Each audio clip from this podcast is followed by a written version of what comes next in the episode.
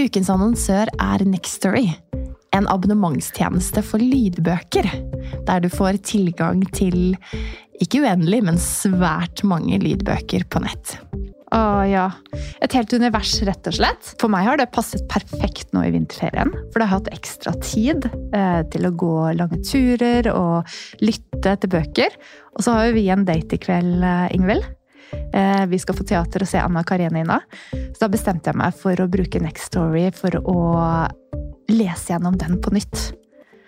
Og det er bare helt fantastisk roman fra 1870-tallets Russland som jeg anbefaler alle å utforske, fordi den er like aktuell nå i 2024 som eh, den gang den ble skrevet. Men det er jo så fint, da, ikke sant? Og uavhengig av om eh, man har vinterferie eller mer tid til overs, så har man også disse små lommene i hverdagen. Du kan ha boken på øret, og du kan brette tøy, eller du kan sette på en klesvask, en oppvask, whatever å dykke inn i dette universet. Og det er jo det som er så fint. I, eh, I, tillegg, da, når uh, disse små Dine kommer med den samme boken for 15. gang, Ingvild, og spør ja. mamma kan du lese denne, så er selvfølgelig det veldig hyggelig, men det kan også være eh, vel så hyggelig å, å få eh, boken servert fra noen andre, så kan man lytte sammen. Eh, vi har hørt mye på Albert Aabergs lydbøkene i Nextory, for det er et univers som både min femåring og min toåring elsker. Ah, det er fantastisk. Man kan finne så mye flotte verdener og opplevelser i gode bøker. Og du som lytter til oss, kan nå få seks uker med fri tilgang til Next Story hvis du går inn på linken nextory.no engler. Så gå inn der, bli med oss eh, og utforske bokuniverset. Og så håper jeg at du har like stor glede av det som vi har.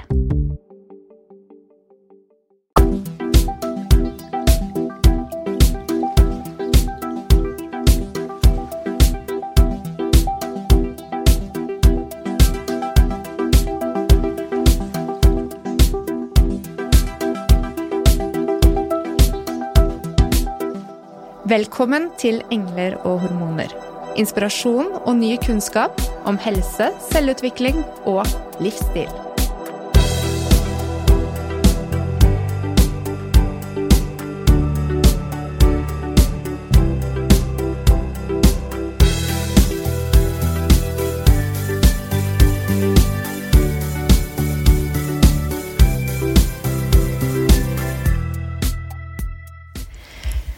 Mindfulness, body, and awareness are the key points to today's episode. And we are so proud to be able to introduce Donna Martin and Hakomi Therapy to our listeners. This is so inspiring for us.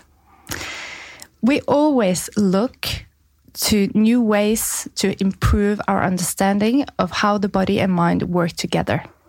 And through today's episode, we are sure that you, as a listener, will gain some insight into how much what you experience in your body will impact the way you choose to respond to life. So, also a warm welcome to Bettina Deuster. And thank you both mm. for bringing Hakomi therapy to Norway. Thank nice you. Nice to be here. So, this is so new to the Norwegian people. Hakomi therapy could be like anything to us. so, uh, first of all, we would really like to know what you bring to us. What is Hakomi? I'll start and then I'll let Bettina answer a little bit about the history of Hakomi in Nor- Norway. Um, Hakomi is a, a name for a way of working with the kinds of beliefs and habits that organize our experience. Um, the creator of the method was an American named Ron Kurtz. And he was fascinated with how our stories and how our ways of organizing experience and our ways of relating to others and to life show up as an embodied experience. His first book was called The Body Reveals. So he was fascinated and began to work with groups in the 70s. I think it was the late 70s. And the method has evolved um, throughout the decades. Um, Ron passed away in 2011, um, but there are trainers and teachers all over the world now. We have many, many um, people that are students of the method and that are teaching the method. And we just came from a big gathering in Bilbao, Spain, where we had over 100 people from 27 different countries that are wow. practicing Hakomi.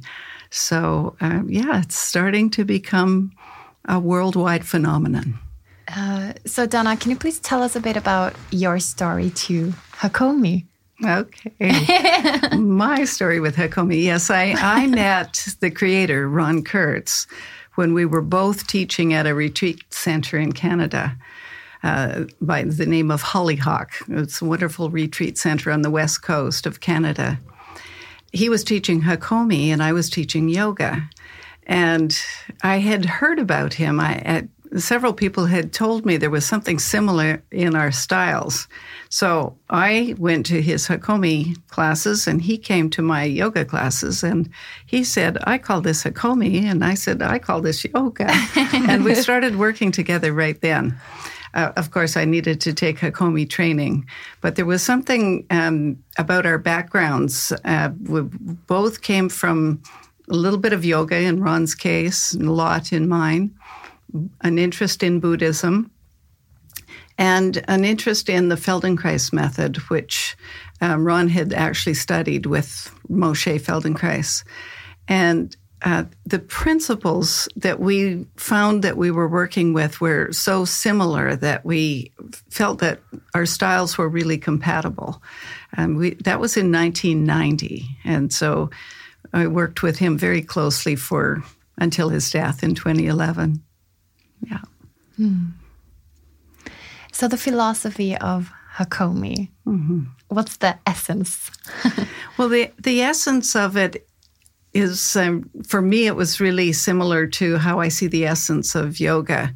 It's based on the understanding that there's a unity principle that everything is connected. That not only you and I are connected, and that I'm connected with anyone I'm working with in our humanness, but that in a way, we're all part of a bigger whole. Um, I love the idea that healing is remembering wholeness. It's uh, some, a phrase that I like, not a return to wholeness or an attempt to try to change something that's broken to get it back to wholeness, but the wholeness is intrinsic. And Hakomi believes this also. So Hakomi works, it started off really as a psychotherapy method with a real focus on the body. Uh, but it evolved to a place where we feel like anybody who's willing to take a look at themselves and who can be curious about what's their participation in whatever's happening um, in a relationship or in a life situation, what's their participation in it that creates the experience they're having? So, uh, Ed, we you mentioned earlier something about how do we organize bodily that actually creates the kind of experience that I'm having and tells uh, whoever I'm relating to something about where I'm coming from, what my beliefs are. In fact, the the word Hakomi was chosen because in the Hopi language, the archaic translation is, How do you stand in relation to these many realms? Which is a kind of, uh, I, I say it's a who are you question, really. It's a method that helps you understand who you think you are, who you're organizing bodily to be in the world and in relation to others and to whatever life offer, offers you. And when people begin to pay attention to the way that they're embodying uh, perhaps an old reality or an old idea about reality or an old belief about themselves, that we carry this and express this bodily. Um, it's only when I become conscious of something like that that I can begin to explore other possibilities. Mm. So, a, a phrase I like is consciousness brings choice, and choice is freedom. So, Hakomi is a way of helping somebody become conscious of the habits that are usually outside of consciousness, explore other possibilities of how to respond instead of just react in a situation, and then find the most nourishing possibility. How to relate to others, to life, or even to myself in a way that does not cause unnecessary suffering and, if anything, makes life even more nourishing. So, from what I understand, is a really good well way to develop personally. Uh, but when you talk about psychotherapy, I get this flashback to Sigmund Freud, and I think about talking about everything that happened mm-hmm. to you mm-hmm. during your life. Yeah. Uh, but I understand there is more a mindfulness aspect to the way Hakomi works. Well, thank you for mentioning that. um, by the end of his life, Ron Kurtz was calling Hakomi mindfulness based assisted self discovery. Oh, wow. Yeah. So we use mindfulness, and maybe we'll get back to that in a moment, but we use mindfulness, just a little bit of mindfulness, or what we call um, paying attention to present experience, even for a moment. And we do a little experiment of something very ordinary, but paying attention with this quiet way of of noticing whatever's happening without uh, without an agenda, without trying to make something happen.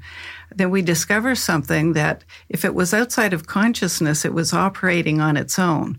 And when we bring it to consciousness, we can take a look at it and see how actually helpful it is to us or not, mm-hmm. and explore other possibilities with this experimental attitude. And we use mindfulness because that lets us do something very small and still notice the effect or the results. We don't have to, you know, whack on pillows or scream. We don't have to do big things. We quiet our mind so that we can do something really small and really ordinary and uh, and still notice that it creates a reaction or a, an experience. The small t- thing matters. The small thing matters, yeah. Mm. I think uh, this is so amazing because a lot of people will hear about mindfulness and they will try to do it, but maybe you don't know what to do with it. You know, you're noticing all this stuff and then you don't know what to do about it. Mm -hmm. yeah. yeah. But can you give us a practical example on how does this work? You know, in Hakomi, and Bettina will add another example. I know she's thinking of something too.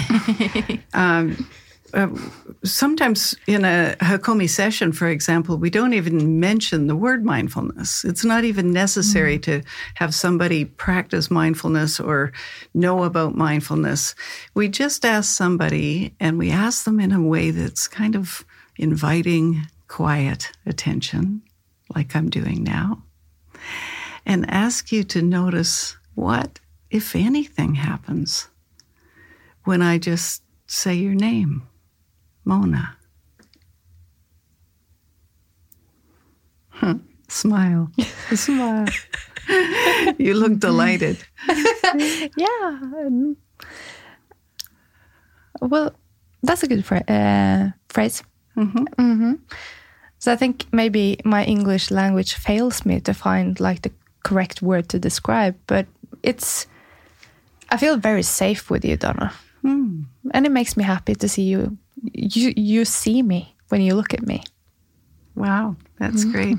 That's you know, I think that's the best feedback that we get and we often get as Hakomi trainers is that people feel safe mm-hmm. in a Hakomi setting, mm-hmm. not just in one to one, but even in the groups. Mm. And there's something about um, the method itself and the way we practice, but there's also something about the state of mind that we practice being in which is something we call loving presence. Yeah. Mm. And um, Ron uh, identified this state of mind um, at some point in the 80s, I think it was, and realized that it was probably the most important ingredient when when we're teaching Hakomi um, to make people to help people realize to invite people to realize that more than anything else, when we're with somebody, it's our state of mind that has an influence on the experience that the other person has, that we both have.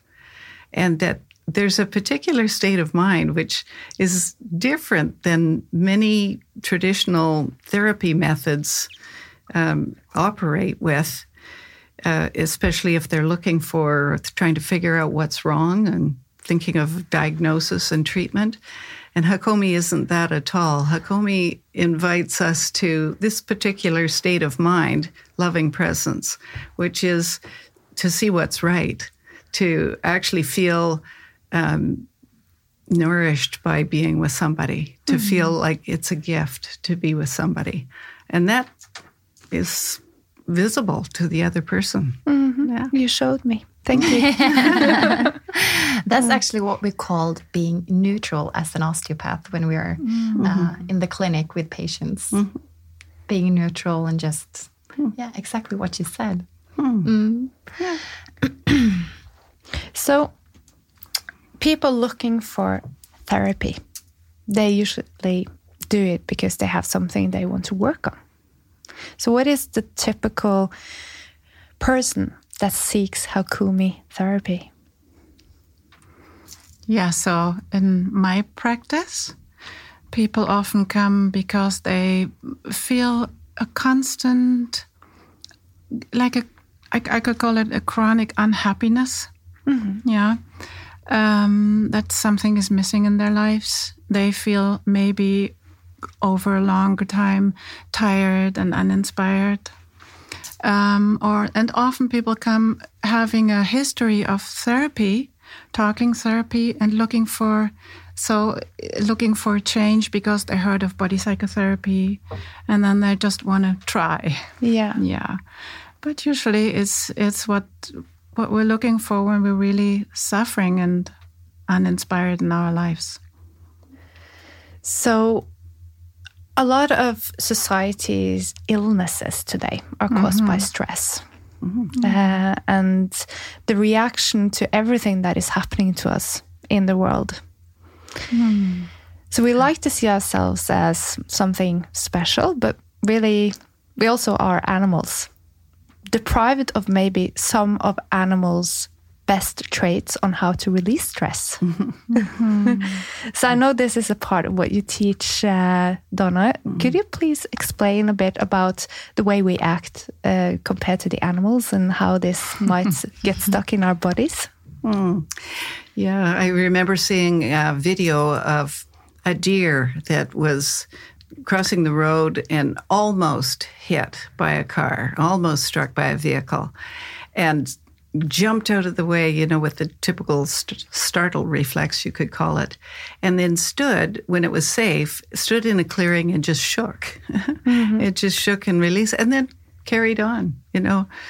Um, I love watching my son's cat. Anyone who has a cat knows this that the cat can be completely coiled and and tranced with a a bird or something mm-hmm. and and just absolutely all tense and ready to spring and the bird flies away and everything just relaxes. It just lets go of it. You know it moves from one state to another very easily and this is what i think you're pointing at. Humans we humans have a capacity for making meaning of things and for remembering things which creates um, a lot of feelings that have nothing to do with present experience, and anxiety, which is all future focused, again, perhaps having nothing to do with present experience. And the way we carry stories actually uh, creates sometimes a chronic state of um, either fight or flight, you could call it, of activation or or the opposite, hypoarousal or hyperarousal. And certainly in the case of somebody experiencing something traumatic that's kept in the body, you know, some of the um, studies about post traumatic stress indicate that if a person experiences a traumatic uh, event and doesn't actually complete the normal response, the normal physical response, then they retain it in the nervous system. And then they can have flashbacks. And then instead of recalling the event as something that happened in the past, they relive it. And we all, to some degree, do a little bit of this. I think we're we're all carrying a little bit of of the potential for being activated in a way um, that has nothing to do with the present moment. Um, Hakomi works with that in this way. This the the way somebody organizes to respond to something that's um, frightening or has intense emotion is carried as a bodily reaction. It's also carried as a story. It's carried as a way they make meaning of things. And so the person, we all end up um, living in a what we call a virtual reality. You know, so, so an extreme example would be somebody who had um, even a one time or certainly a history of feeling that life was threatening. Um, might have a, a, story about reality being unsafe, the world being unsafe, or others being unsafe, or even uh, make that part of their personal identity. I'm not safe. I'm never safe. And so we want to watch and see what kind of way of making meaning of life events is expressed in the way somebody carries themselves, in the way they mm-hmm. express themselves now, in the way they hold their bodies. And by bringing that into consciousness, which we do, you know, in this way of using little experiments in mindfulness, we we want somebody to become conscious that they're in a reaction.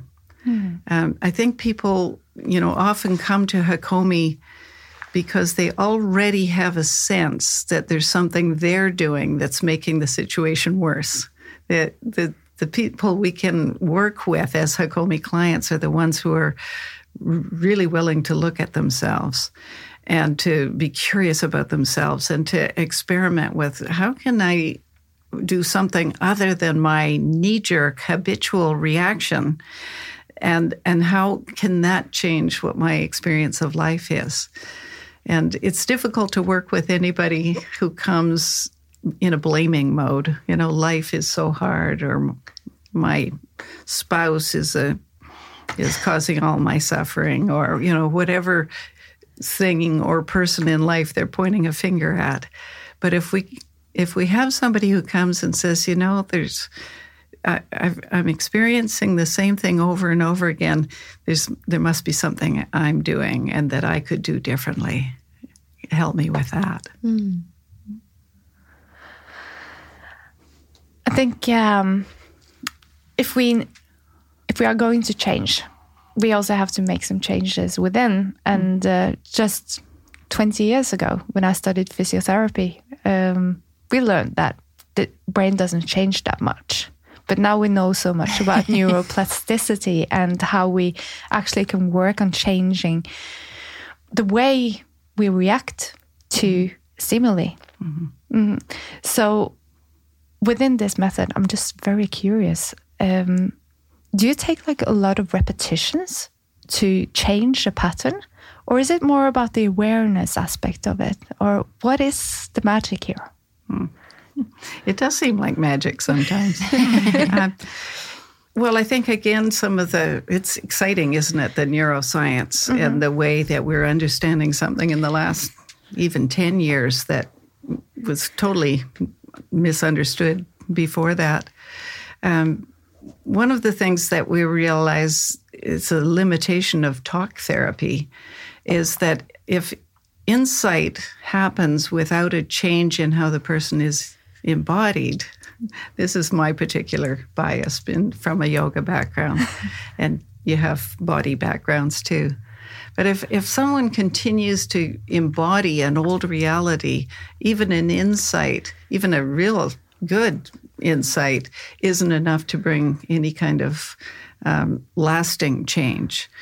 Uh, on the other hand, if somebody goes to massage or yoga, and this is what got me interested in Hakomi. I could I saw people coming to yoga year after year, and yeah, they were learning how to relax some of their patterns, but but I could still recognize them from a distance because of the way they were holding themselves. There's still something that resisted the invitation to let go that happens in yoga practice.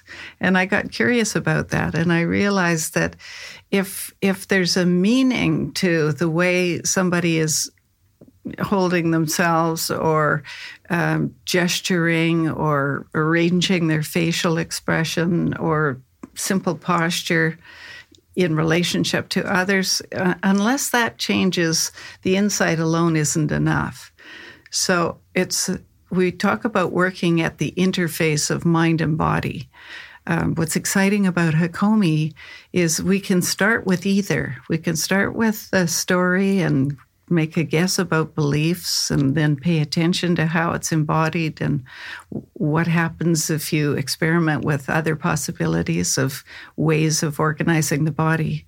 Or we can start with seeing something like head angle, like a uh, like I'll give you one example of somebody I worked with recently. It was a a guy who uh, started talking to me about um, he felt like there was nothing really happening in his life, but he was curious about Hakomi. That happens sometimes. He said, There's nothing much happening in my life, but in a couple of weeks, I'm going to meet a daughter that I've been estranged from, I haven't seen for 40 years.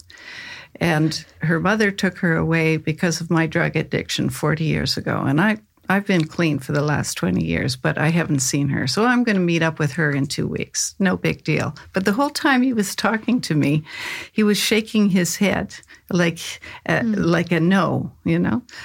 And he had seen me work. So I, when I said, yeah, you know, I'm uh, noticing this movement of your head as you're talking to me. And he got curious and he stopped talking and he just moved his head side to side and he said, "Oh, I, I get what my, my head what my head is saying to you when it's doing that."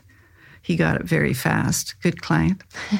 he said, "I'm I'm I'm telling you, it doesn't matter what I say or do, you won't like me." And so, you know, that it's it's as if he can, he's going to recreate that experience. He's going to recreate that expectation. You know, whether somebody he's talking to does like him or not, there's going to be a part of him as long as he's embodying that. You won't like me. You won't like me. Um, that will always have that expectation. We did a very kind of unusual experiment. One of the things we could do with that kind of thing is uh, just continue to um, explore, you know, the memories and the feelings and the histories. So he he could start to have some distance from and in in witnessing that he's he, he's creates some space around it. And that already opens up some new possibilities. Um, or we could experiment with what if you talk to me and keep your head still? Um, but you know just important for somebody to realize that when you're suggesting a change it's not a correction that's not like don't shake your head like that. Uh, it's just what what else is possible if you do it differently. I mean, another way we could have gone would be for me to hear him say, "You won't like me," and then say, you know, just get quiet for a moment and notice what happens inside you if I tell you I like you so that's one way to go too. You know, the way I did a little mm-hmm. thing with you with the name.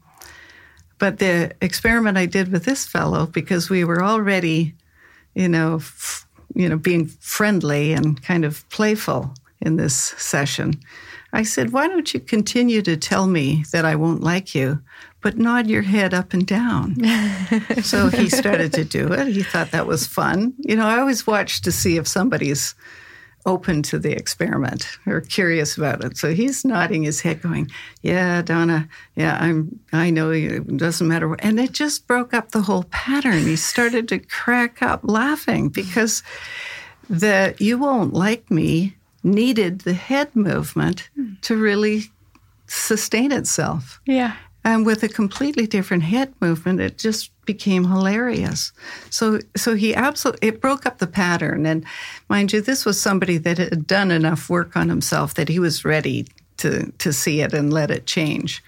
But the point I was making was that unless we change the way we're embodied, we're still keeping ourselves in an old reality. So this is interesting because when we look at the body and the way we work in clinic, it's like you also have patterns. And also you can have patterns around areas that come up quite often compared to others. Uh, but then maybe they're there for a reason. So the question is, am I going to break up this pattern or I'm going to encourage it? So what is the best way to change something? This is such a good question. and it talks about uh, something that I think is a really unique, well, it's not probably unique, but an important characteristic of mm-hmm. Hakomi. We're not trying to change anything. Uh-huh. We we have the intention to have what's unconscious come into consciousness and support the person to explore other possibilities. And we really trust that they'll choose what they're ready for in the way of something new um, at their own pace. You know, so it's really important that when we're creating these experiments and bringing things into consciousness and trying something else, that we don't have uh, an idea about what should happen. Um, and sometimes people come in and they have an idea of what should happen. They have an idea what they should change, and they really want to enlist our help to help them change. And staying in this place, well, you use the word neutral. It's mm-hmm. it's kind of neutral in the sense of um, I actually don't know what's best for you, but I can see what's been unconscious and habitual, and I can see how that's contributed to you know some reactions you have or some unnecessary suffering. So let's see if we can bring that more fully into consciousness and also bring into consciousness some other possibilities. And then let, let's see where it wants to go. Let's see what we call it. What's what wants to happen? Mm. and i'm so aware that that all of us have our healing and our growth uh, at a pace that is probably different from what somebody else has and, or thinks it should be. That uh, it, I, I, think there's something very respectful in Hakomi about that invitation to become conscious and see what is ready to change and not you know not not i or the client have a an agenda about change do you want to add something, Bettina? I think it's working with a with a paradoxical principle, right? So you're not looking for change, and at the same time, change is happening when you're not looking for it, mm-hmm. mm. or we're not pushing in any sense. So it's it's really accepting that there is healing or wholeness in us that finds its own way. And so we we trust that organicity, that principle of organicity. Mm-hmm. Thinking about it in a way, we might choose to use exercise to change something. Is uh, it just brings to mind this uh, typical like you have a problem and you know it's a pain, and you try to do an exercise to com- compensate for this uh, not mm. so optimal pattern.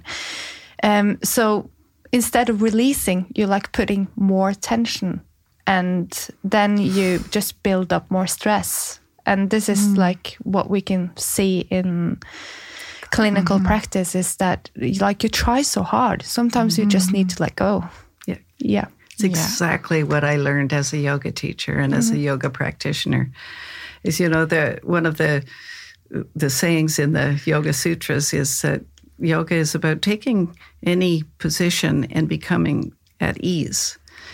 And uh, you know, I used to realize that that meant the invitation is to learn how to be in any challenging situation or somewhat difficult pose, you could call it, or situation in life, and how can I be at ease?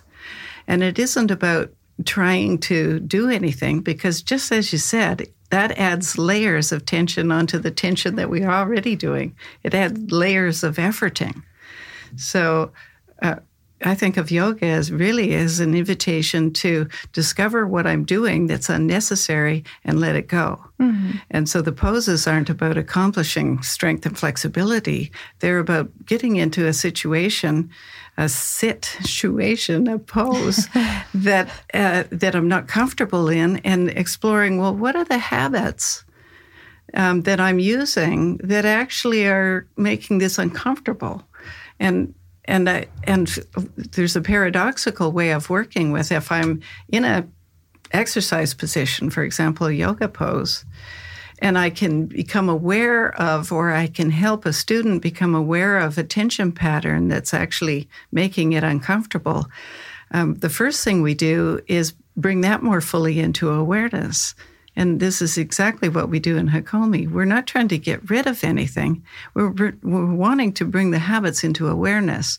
So in yoga, for example, I'd have somebody slightly exaggerate it. And, and then let it go and slightly exaggerate it. And we do this in Hakomi. We have something we call the tension sequence. Whenever somebody's in a reaction or having stress about anything, um, there's tension involved. Mm-hmm. Well, they're doing the tension. So let's bring that into consciousness. Let's have them do the tension on purpose. And then let it go, do it on purpose and let it go. Once the conscious mind realizes that I'm the one doing it, then I have more choice about it. But if it seems to be happening to me, I just fight it. so it's really about bringing things into consciousness so that whatever's unnecessary can be released. Hmm. So this is so interesting because I'm just spinning off thinking about pain physiology and how we could use this with uh, chronic pain mm. and but i know this is like not enough time but maybe when you come back to norway next time donna i noticed you said when yeah so um, when you talked about buddhism before uh, there is this like difference between Western medicine and science and Eastern wisdom and knowledge. So, where does Hakomi fall down?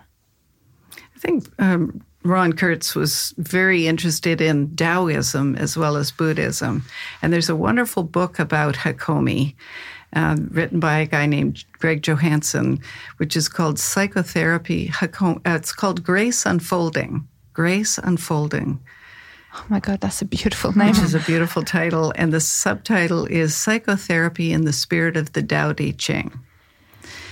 And he takes a little saying from the Tao Te Ching and writes a chapter about it. For example, the best leader follows.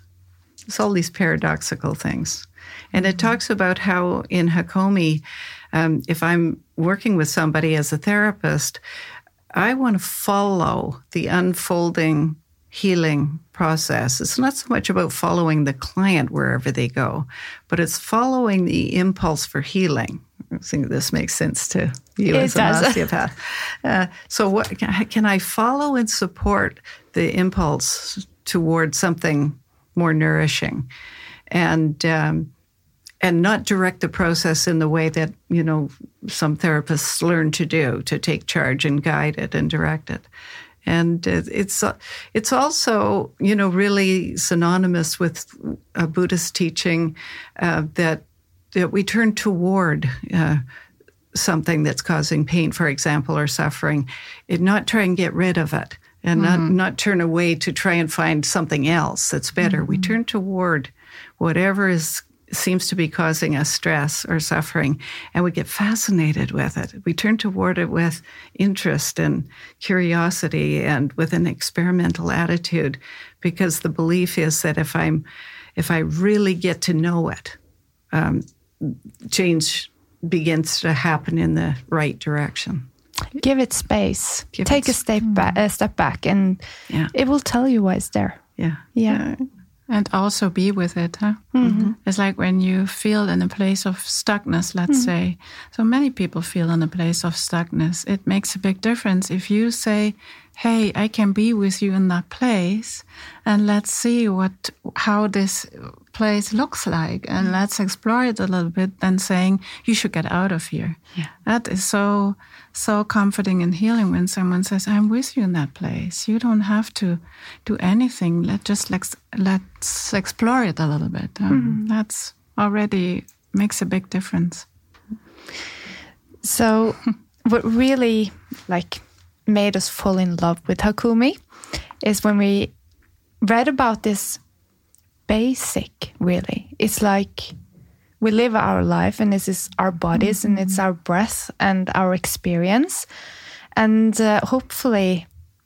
With you bringing this to Norway as well, there could be more people understanding that we don't need to make everything so complicated to make things better because uh, in the end, we can't forget about these basic things breathing and connecting.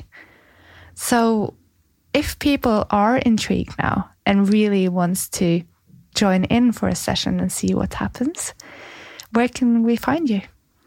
Yeah, you can find us in Hako- we have a page Hakomi Norway, and there is um, there are the common the following updates for the next teachings, and there are little practice groups, so you can also join the little practice groups if you would like to explore it and practice with others.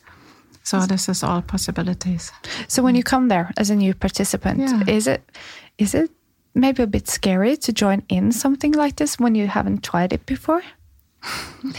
we just did a weekend, well, four days, and there were there were I think five new people. You know, one of the things just to back up a little bit because you mentioned connection. I think this is mm-hmm. one of the things people are longing for, and one of the hmm. real roots of suffering is is a sense of isolation and separateness. And one of the things that's just an amazing and, and beautiful result of of coming and learning Hakomi or participating in a Hakomi group is a feeling of not just coming home, but of coming of finding your family in a way. So yeah, people, of course, um, when people come to something new, there's a, a range of feelings on the fear spectrum. You know, everything from a little maybe excitement, even nervousness, to outright terror. What am I going to find here? And there's something about the way the, the, the practices are offered, and even in a multi level group, uh, how it's really just about being human with each other. And the practices are very simple. Uh, that it, in a very short period of time, the, the fear dissipates into, you know, at least it might start with a, a realization that the fear is old and is about something that isn't happening here. So there might still be fear that's up and it can be explored. But what's happening here is different. And, and that registers with people very, very quickly. And we had a beautiful mm. example of that with one or two of the people who came for the very first time and stayed for the whole four days and said at the end, they looked different. They absolutely looked mm. different.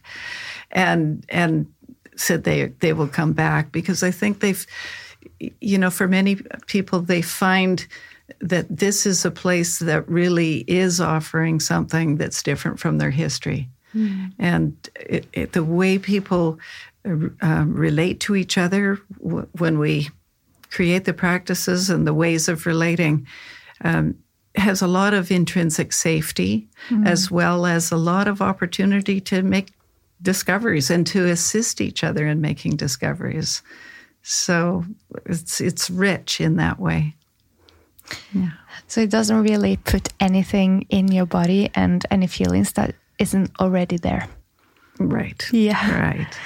So, um, if we were to take away something from Hakomi that might give us some uh, improvement on our lives today, and maybe for our listeners as well, would you have something to give us? I just happen to have something. Thank you. Uh, I want to come back to talking about the practice of loving presence. Um, and by the way, I have finally published a book about loving presence that Ron Kurtz and I started writing about 15 years before his death, but it's just recently been published. And it's called The Practice of Loving Presence A Mindful Guide to Open Hearted Relating. So nice. And the really beautiful thing about loving presence and, and how we um, begin with a Hakomi weekend or a Hakomi training or a Hakomi day or a Hakomi session with somebody is kind of paradoxical. You use the word paradoxical, Bettina. There's lots of paradoxes here. And it's that we invite the person who's the therapist to access a state of mind that arises spontaneously when I see something about the other person that nourishes me. So we could call it looking for what's right. In Hakomi, we call it a search for inspiration. And we really train ourselves to actually change the lens that we may have habitually when we're looking at a situation or at a new person or at someone we live with. And and see uh, a gift. See something that's inspiring or touching. See something that if i stay in a receptive state so i'm not trying to be loving with loving presence. I'm letting myself be nourished. And this is i think that for me this is a, a practice a life practice you know so it's easy if you see a, a little puppy or a, a mother with a newborn baby or a beautiful sunset. But that state of mind can be accessed anytime with anyone if i remember to see their beauty and just take it in and be nourished by it. Hmm. There's a beautiful way to look at the world. Yeah, really. Hmm. Mm-hmm. yeah. So, I mean, to round this up, you might be sitting here th- wishing we would ask you something. One question that you miss us asking you, something you want to tell the world.